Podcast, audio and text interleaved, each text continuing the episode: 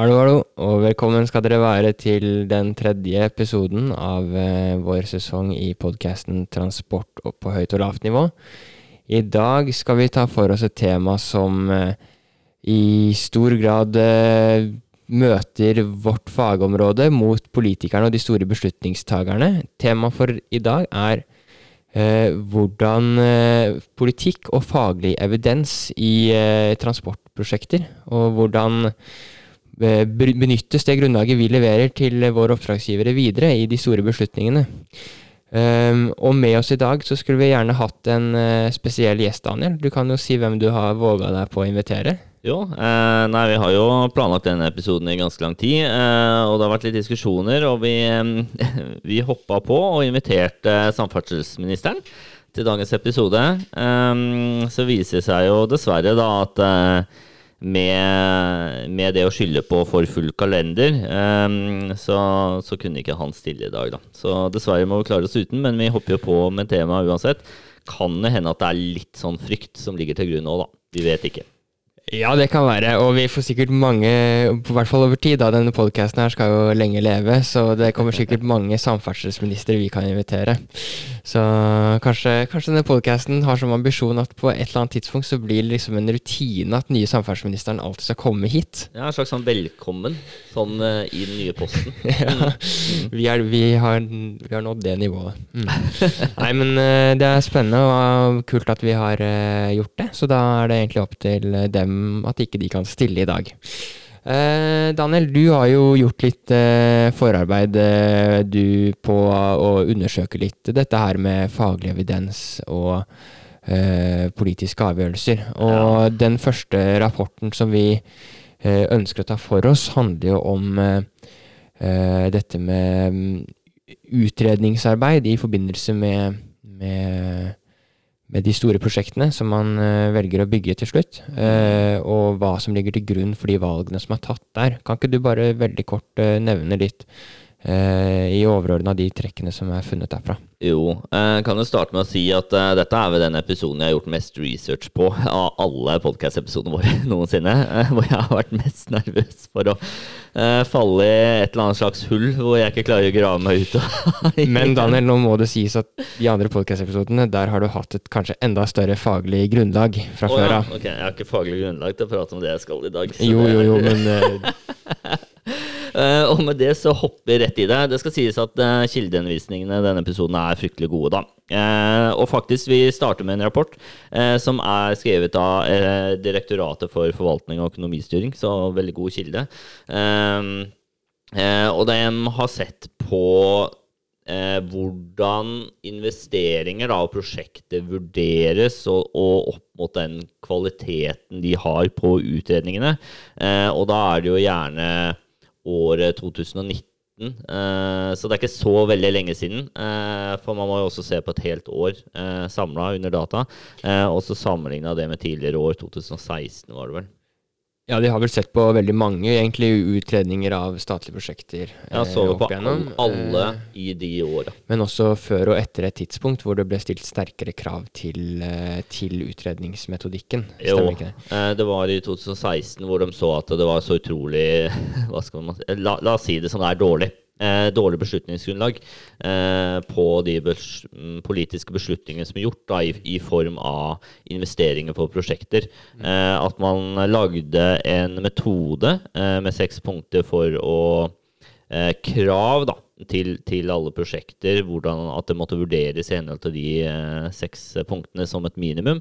Eh, også nå i to, med den porteføljen av de prosjektene som var i 2019, så så man om, om de var fulgt, om det hadde blitt bedre. Man undersøkte rett og slett om kvaliteten på de utredningene som lå til grunn for prosjektene som skulle bygges, var eh, gode nok, da, og i henhold til kravene som er stilt. Ja. Stemmer ikke det? Mm. Um, så så kravene, kravene var de fulgt. ja. Eh, Blir det fullt? Nei, nei. Eh, totalt sett så var det vel en veldig svak positiv trend som forfatterne konkluderte med. Men altså fortsatt eh, ikke tilfredsstillende kvalitet på utredningene som gjøres. Ja, veldig dårlig. Og det var jo noen um, det, eh, Datagrunnlaget var jo både å se på resultatene av de, de prosjektene som liksom hadde blitt beslutta og vurdert, mm. og spørreundersøkelse. Eh, og, og, man så jo det at eh, problemet og, og, resultatene var litt sånn flere, og det kommer litt an på hvilke punkter man ser på. Men én ting som er et krav da, i den nye analysemetoden blant de seks punktene, et av de punktene er det at man alltid skal vurdere flere alternativ. Mm. Eh, så det, det, vil jo si f.eks. at det, eh, hvis, hvis, vi tar et eksempel innen samferdsel her, da, at du skal eh, løse noen transportproblemer mellom to byer. At du ikke bare vurderer jernbane, men at du også vurderer jernbane og biltransport. Eh, eller du vurderer én jernbanelinje kontra en annen jernbanelinje. Eh, gjerne, gjerne, mange, gjerne, mange, ulike alternativer for, for jernbanelinjer eller veikorridorer, da. Ja. Eh, vi er jo ganske involvert i en del sånne utredninger, og har jo følinga ofte på at det selvfølgelig blir utreda mange alternativer, men også rapporten viser til at eh, det ofte ikke blir eh, hele 70% av de utredningene som blir uh, gjort, uh, av de prosjektene som blir bygd, er gjort med Hele 70% av de prosjektene er gjort med for få alternativer utredet til. Ja i henhold til kravene som gjøres. da. Mm, at man kun egentlig har vurdert ett alternativ. Mm. Og så var da rapportens konklusjon at det hadde blitt marginalt litt bedre enn en tidligere. Svak positiv trend, da. Mm. Ja, men fortsatt litt, for, litt fortsatt for dårlig. Ja, altså når man innførte masse nye tiltak etter 2016, da, så ser man jo at det, tross alle de tiltakene, så er det eh, så liten positiv trend at det egentlig kan skyldes tilfeldigheter. Så det, mm. det er jo egentlig ikke veldig gode nyheter. Nei. Men uh, årsaken til, uh, til, at dette her skjer, det er jo også undersøkt i denne rapporten. Og, og, de største begrunnelsene på hvorfor ikke man klarer å tilfredsstille kravene som, som stilles, det er jo i henhold til rapporten at det er altfor stramme tidsfrister og politiske føringer som gjør at man ikke makter å, å tilfredsstille kravene. Og Eh, jeg vet ikke, Daniel, men vi kan vel kanskje si at vi også erfarer jo et eh, Det er jo et trøkk i prosjektene vi driver med utredningsarbeid, og det er jo ofte stramme frister som eh, til grunn. Mm, dårlig tid er jo en kjensgjerning i bransjen vår som helhet, og det er nok noe ikke bare vi, men også lytterne våre kan kjenne seg igjen i. At det, er krevende å rekke alt det man skal på jobb, og, og også da å selvfølgelig når tid blir en mangelvare, det å ivareta god nok kvalitet og det å utrede noe. og det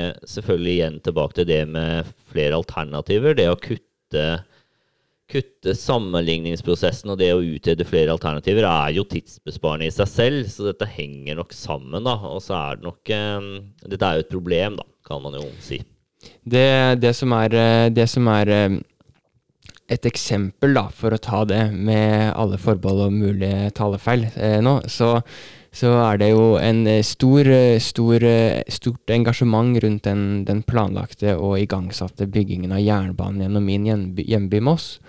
Um, der er det jo av, en, av, de som er mest engasjert i saken, pekt på at det er et altfor dårlig beslutningsgrunnlag for den løsningen som er vedtatt. Eh, og at jernbaneløsningen i bunn og grunn kun har blitt utreda med ett alternativ eh, som har ligget til grunn. Så det her er jo et godt eksempel på at det å utrede for lite, det gir også stor, stort engasjement blant befolkningen, fordi de stiller krav til hva kunne alternativene vært. Og det, det er jo også en veldig viktig del av et utredningsarbeid, at man klarer å hva skal jeg si for noe, kvittere ut alle andre løsninger som folk vil på et senere tidspunkt stille seg grunn til.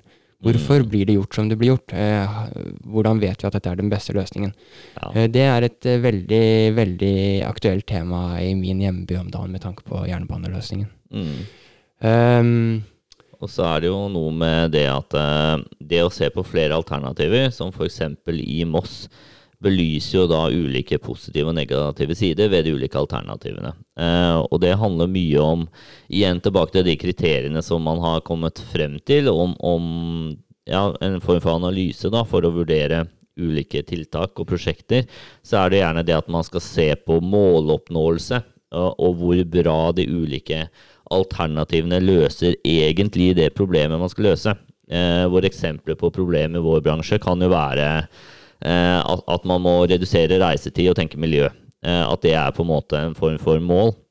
Eh, og det å da følge opp de og se de ulike alternativene opp mot de hovedproblemene man prøver å løse, er jo da en essens der som man også ser at det ikke blir gjort, igjen fordi man ikke har noen flere alternativer å sammenligne mot. da.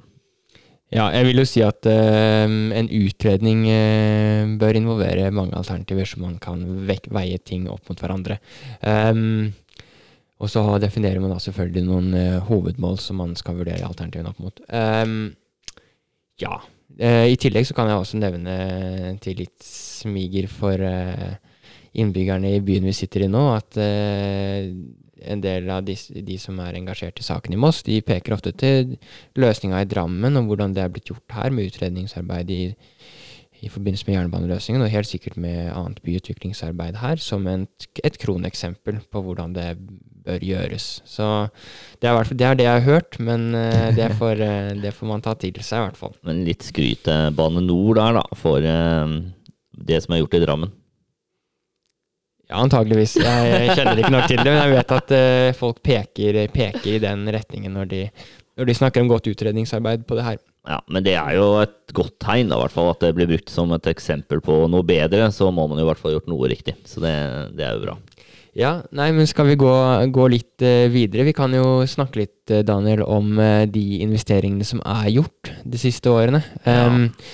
Da tenker jeg på vi har jo veldig kvalifiserte eh, verktøy for å utrede prosjektene. Og de prosjektene som er utreda, og som er, eh, inngår i Nasjonal transportplan, hvordan, hvordan gjør de, de, seg, sånn rent eh, samfunnsøkonomisk? Mm, det er jo også gjort eh, undersøkelser hvor man har sett på den porteføljen av prosjekter som man har valgt å gå for da, i eh, NTP, Nasjonal transportplan, som er politikernes eh, samla plan for alt som gjøres av investeringer eh, innenfor samferdselssektoren, og da både til sjø og fly og jernbane og vei og, og, og det som er. Um, og da ser man jo at um, eh, valg av prosjektene eh, bærer en del trender, da. Eh, og man ser, har jo også sammenligna dette her opp mot Sverige, eh, som har en eh, relativt tilsvarende portefølje og plan. Uh, og de har jo også nå i tillegg de senere årene beveget seg mer og mer i vår retning sånn i bruk av hvordan okay. man analyserer da, og regner på prosjektene. Uh, som gjør det til dels litt mer sammenlignbart, men samtidig så er det andre forhold som uh, gjør det kanskje direkte sammenlignbart ikke så enkelt. Men, men, når vi ser på kroner og valg av prosjekter, så er det veldig sammenlignbart. Mye pga. historie eh, type land vi er, og det at fagpersoner har veldig mye samarbeid på tvers. At man prater mye sammen, eh, Sverige og Norge. Og det har jo en digresjon er jo litt det at det har vært eh, er en spøk i fagmiljøet om at eh, vi i Norge lar Sverige teste nye ting i ti år, og så hvis det funker, så tar vi det til Norge. ja. Nei, men eh, konklusjonen, eller det som er eh, summen i den NTP-en som foreligger, eh, og som da er hentet fra den rapporten vi har sett på, Daniel, hva het den igjen? Det var konseptrapport fra NTNU, stemmer ikke det? jo. Um, den viser jo til at i sum så er netto nytten, samfunnsøkonomisk netto nytte, av prosjektene som ligger til grunn i NTP, dem, den er negativ. Mm. Altså etter eh, det måleberegningsmetodikken som er brukt, så er prosjektene i sum regnet som samfunnsøkonomisk ulønnsomme. Ja, så for de som ikke kjenner så godt eh, sånne beregninger, så betyr jo det med den metodikken som ligger til grunn, da, som er en sånn viktig premiss, så betyr det at eh, når du får et minustegn, at de er ulønnsomme, som vi sier, så burde de ikke realiseres. Eh, og det er jo det vi ser, og som forfatterne av denne rapporten ser, er jo det at det realiseres eh, prosjekter som i en sånn totalsum er negative. Så man kan på en måte si at Norge taper penger da, med de valgene som gjøres i form av hvilke prosjekter det investeres i. Vi skal komme med noen innvendinger her, da. Eh, men vi kan jo også Men naturligvis, det er det som er hovedessensen. Eh, vi kan jo først, før jeg kommer med den innvendingen, nevne det at det tidligere NTP viste en bedre netto nytte enn det som, det som vises i den nyeste NTP-en. Og um, årsaken til det kan jo være mange. Um, blant annet så kan det jo nevnes at uh, det er jo naturlig at man tilbake i tid hadde et større utvalg av prosjekter man kunne velge, og at det da var lettere å finne lønnsomme prosjekter. Mm. De gode prosjektene blir plukka først, og det er jo egentlig et godt tegn, fordi det betyr at man prioriterer de beste prosjektene. Ja, det er jo sånn riktig. Mm. Uh, og at det da blir vanskeligere å finne gode prosjekter uh, senest fremover i tid. I hvert fall umiddelbart. Um, i tillegg så kan man jo også vurdere beregningsmetodikken som om den har endret seg, og det har den i henhold til rapporten. Og, men den endringen skal egentlig gå i favør av at den nyeste NTP-en skulle vært mer lønnsom enn den forrige. Mm. Så det er på en måte noe som trekker i den andre retningen. Ja, det er jo kritikkverdig, da. Ja, det, ja det, det, viser jo at det hadde den NTP-en som ligger til grunn i dag, blitt beregna med forrige NTPs beregningsmetodikk, så ville nettonytten vært enda dårligere enn det den, mm, mm. Enn det den er, er, i dag. da. Um, og så kan man jo også vurdere om optimaliseringsarbeidene hos fagetatene må jobbes videre med for prosjektene, og at det er der det også kan ligge, ligge forklaringer, da. Ja, det er jo noe som trekkes fram av forfatteren av denne rapporten. og jeg kan i hvert fall selv si det som av min deltakelse i de større veiprosjektene som går nå, og som jeg har vært igjennom, at det er veldig mye fokus på optimalisering. Eh, av alt fra masser til veilinje og ulike løsninger. Så, så fokuset er der i hvert fall. Så det, det er noe egentlig de forfatterne i denne rapporten burde kanskje høre. Men eh, det er jo alltid et spørsmål om det kan bli bedre, da. Ja, vi er definitivt involvert i å både vurdere nytten av optimaliseringsarbeidet til eh, etater og også å vurdere hvilke løsninger som blir bedre. Så jeg føler definitivt det er et fokus nå på å gjøre prosjektene man uh, har plukka ut, enda bedre. Uh, så det er et godt tegn. Så jeg, jeg tror det er eh, mye bra arbeid som gjøres der, og, men jeg tror også at det selvfølgelig er et punkt som man alltid kan jobbe videre med for å få prosjektene til å bli enda bedre. Um, men så kom jeg til den innvendingen som jeg skulle si eh, rundt samfunnsøkonomisk eh, lønnsomhet. og eh, det er jo at når man sier at denne porteføljen av prosjekter som ligger inne i NTP er ulønnsom samfunnsøkonomisk, så er det under et krav til avkastning. Og det kravet til avkastning på prosjektene det er definert som 4 Uh, og kan da sammenlignes med at man har et krav om at man skal få 4% rente på bankinnskuddene sine, f.eks. i banken. Ja. Og hvis ikke man får det, så er prosjektet ulønnsomt eller har en negativ netto nytte. Mm. Det betyr jo ikke at man ikke får tilbake pengene man har investert, i form av verdier samferdselsprosjektet gir, men man får ikke det tilbake i henhold til den avkastningskravet man har. Og man kan hele tiden si, spørre seg da om eh, hvis ikke staten har noen andre gode steder å plassere disse pengene, um, som gir tilsvarende bedre avkastning enn 4 eh, da, så vil det også være ulønnsomt å la pengene bare bli stående i banken ja, til 1 rente. Og spørsmålet her er jo egentlig om de samferdselsprosjektene er um, mer eller mindre lønnsomme i forhold til annen pengebruk i samfunnet. Uh, sånn som mm. det å um, tenke skolebøker, bedre utdanningstilbud, uh, gamlehjem, mer politi i gatene. Uh, alt slags mulige ting som egentlig er positivt for samfunnet. Da, og det å se på hva som er mest positivt, da, gir mest nytte mm. for, for, oss som samfunn og land. Mm. Nå skal det jo sies, eh, det var det du som var litt inne på, Daniel, eh, tidligere, at eh, det kravet som man setter da, til avkastning på prosjektene, man, samferdselsprosjekter, det er vel satt basert på et såkalt risikofritt avkastning, som man satte 2% og så har man et mm. risikopåslag på prosjektet på to, ytterligere 2 ja.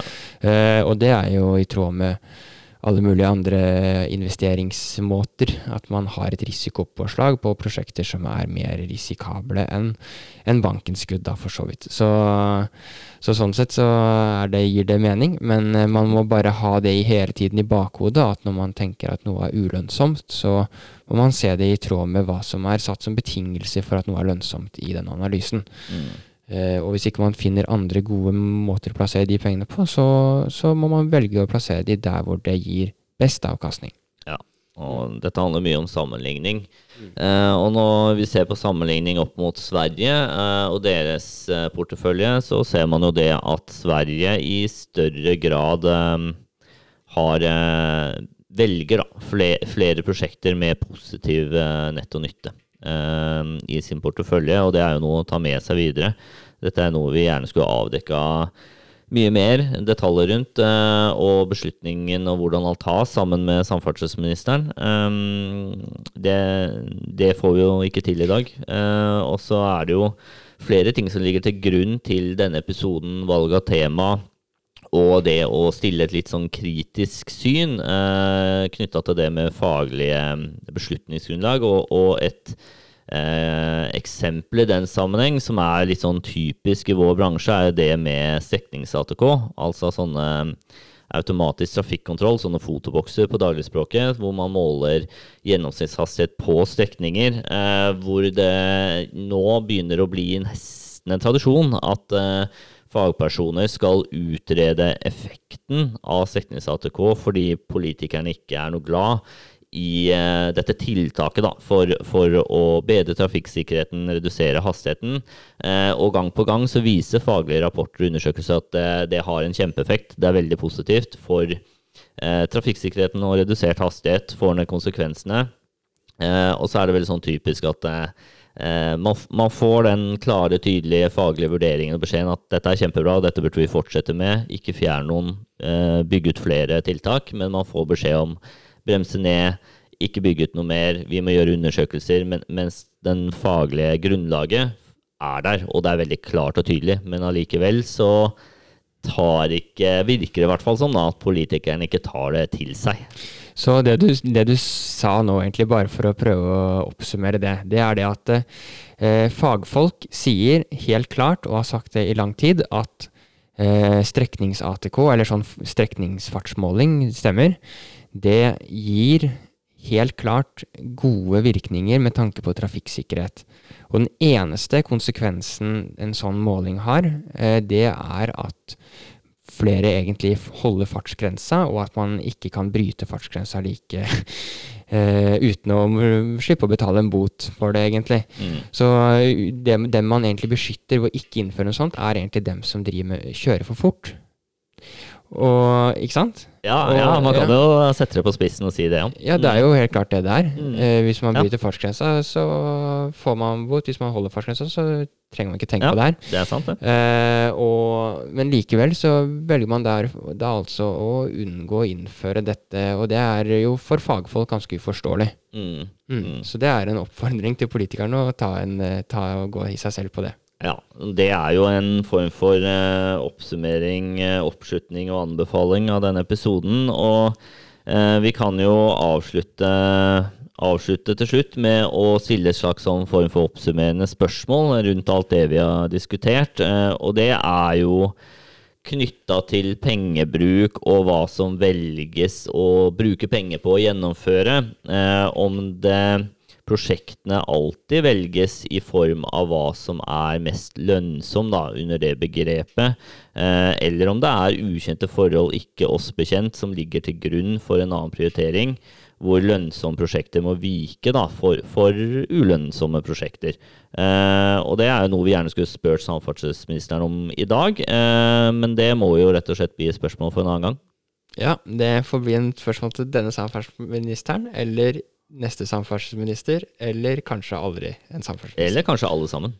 Eller kanskje alle sammen. Kanskje vi skal samle alle historiske samferdselsministre. Ja, eller bare ta dem én og én om gangen, kanskje. Jeg tror det er best. Tar dem én og én om gangen, og så tar vi dem inn på et rom, og så stiller vi dem masse kritiske spørsmål. Og med Nei. det så takker vi for at du har lytta til denne episoden. Eh, ønsker deg en fin dag videre. Eh, og så høres vi. Vi høres. Takk for i dag. Ha det bra.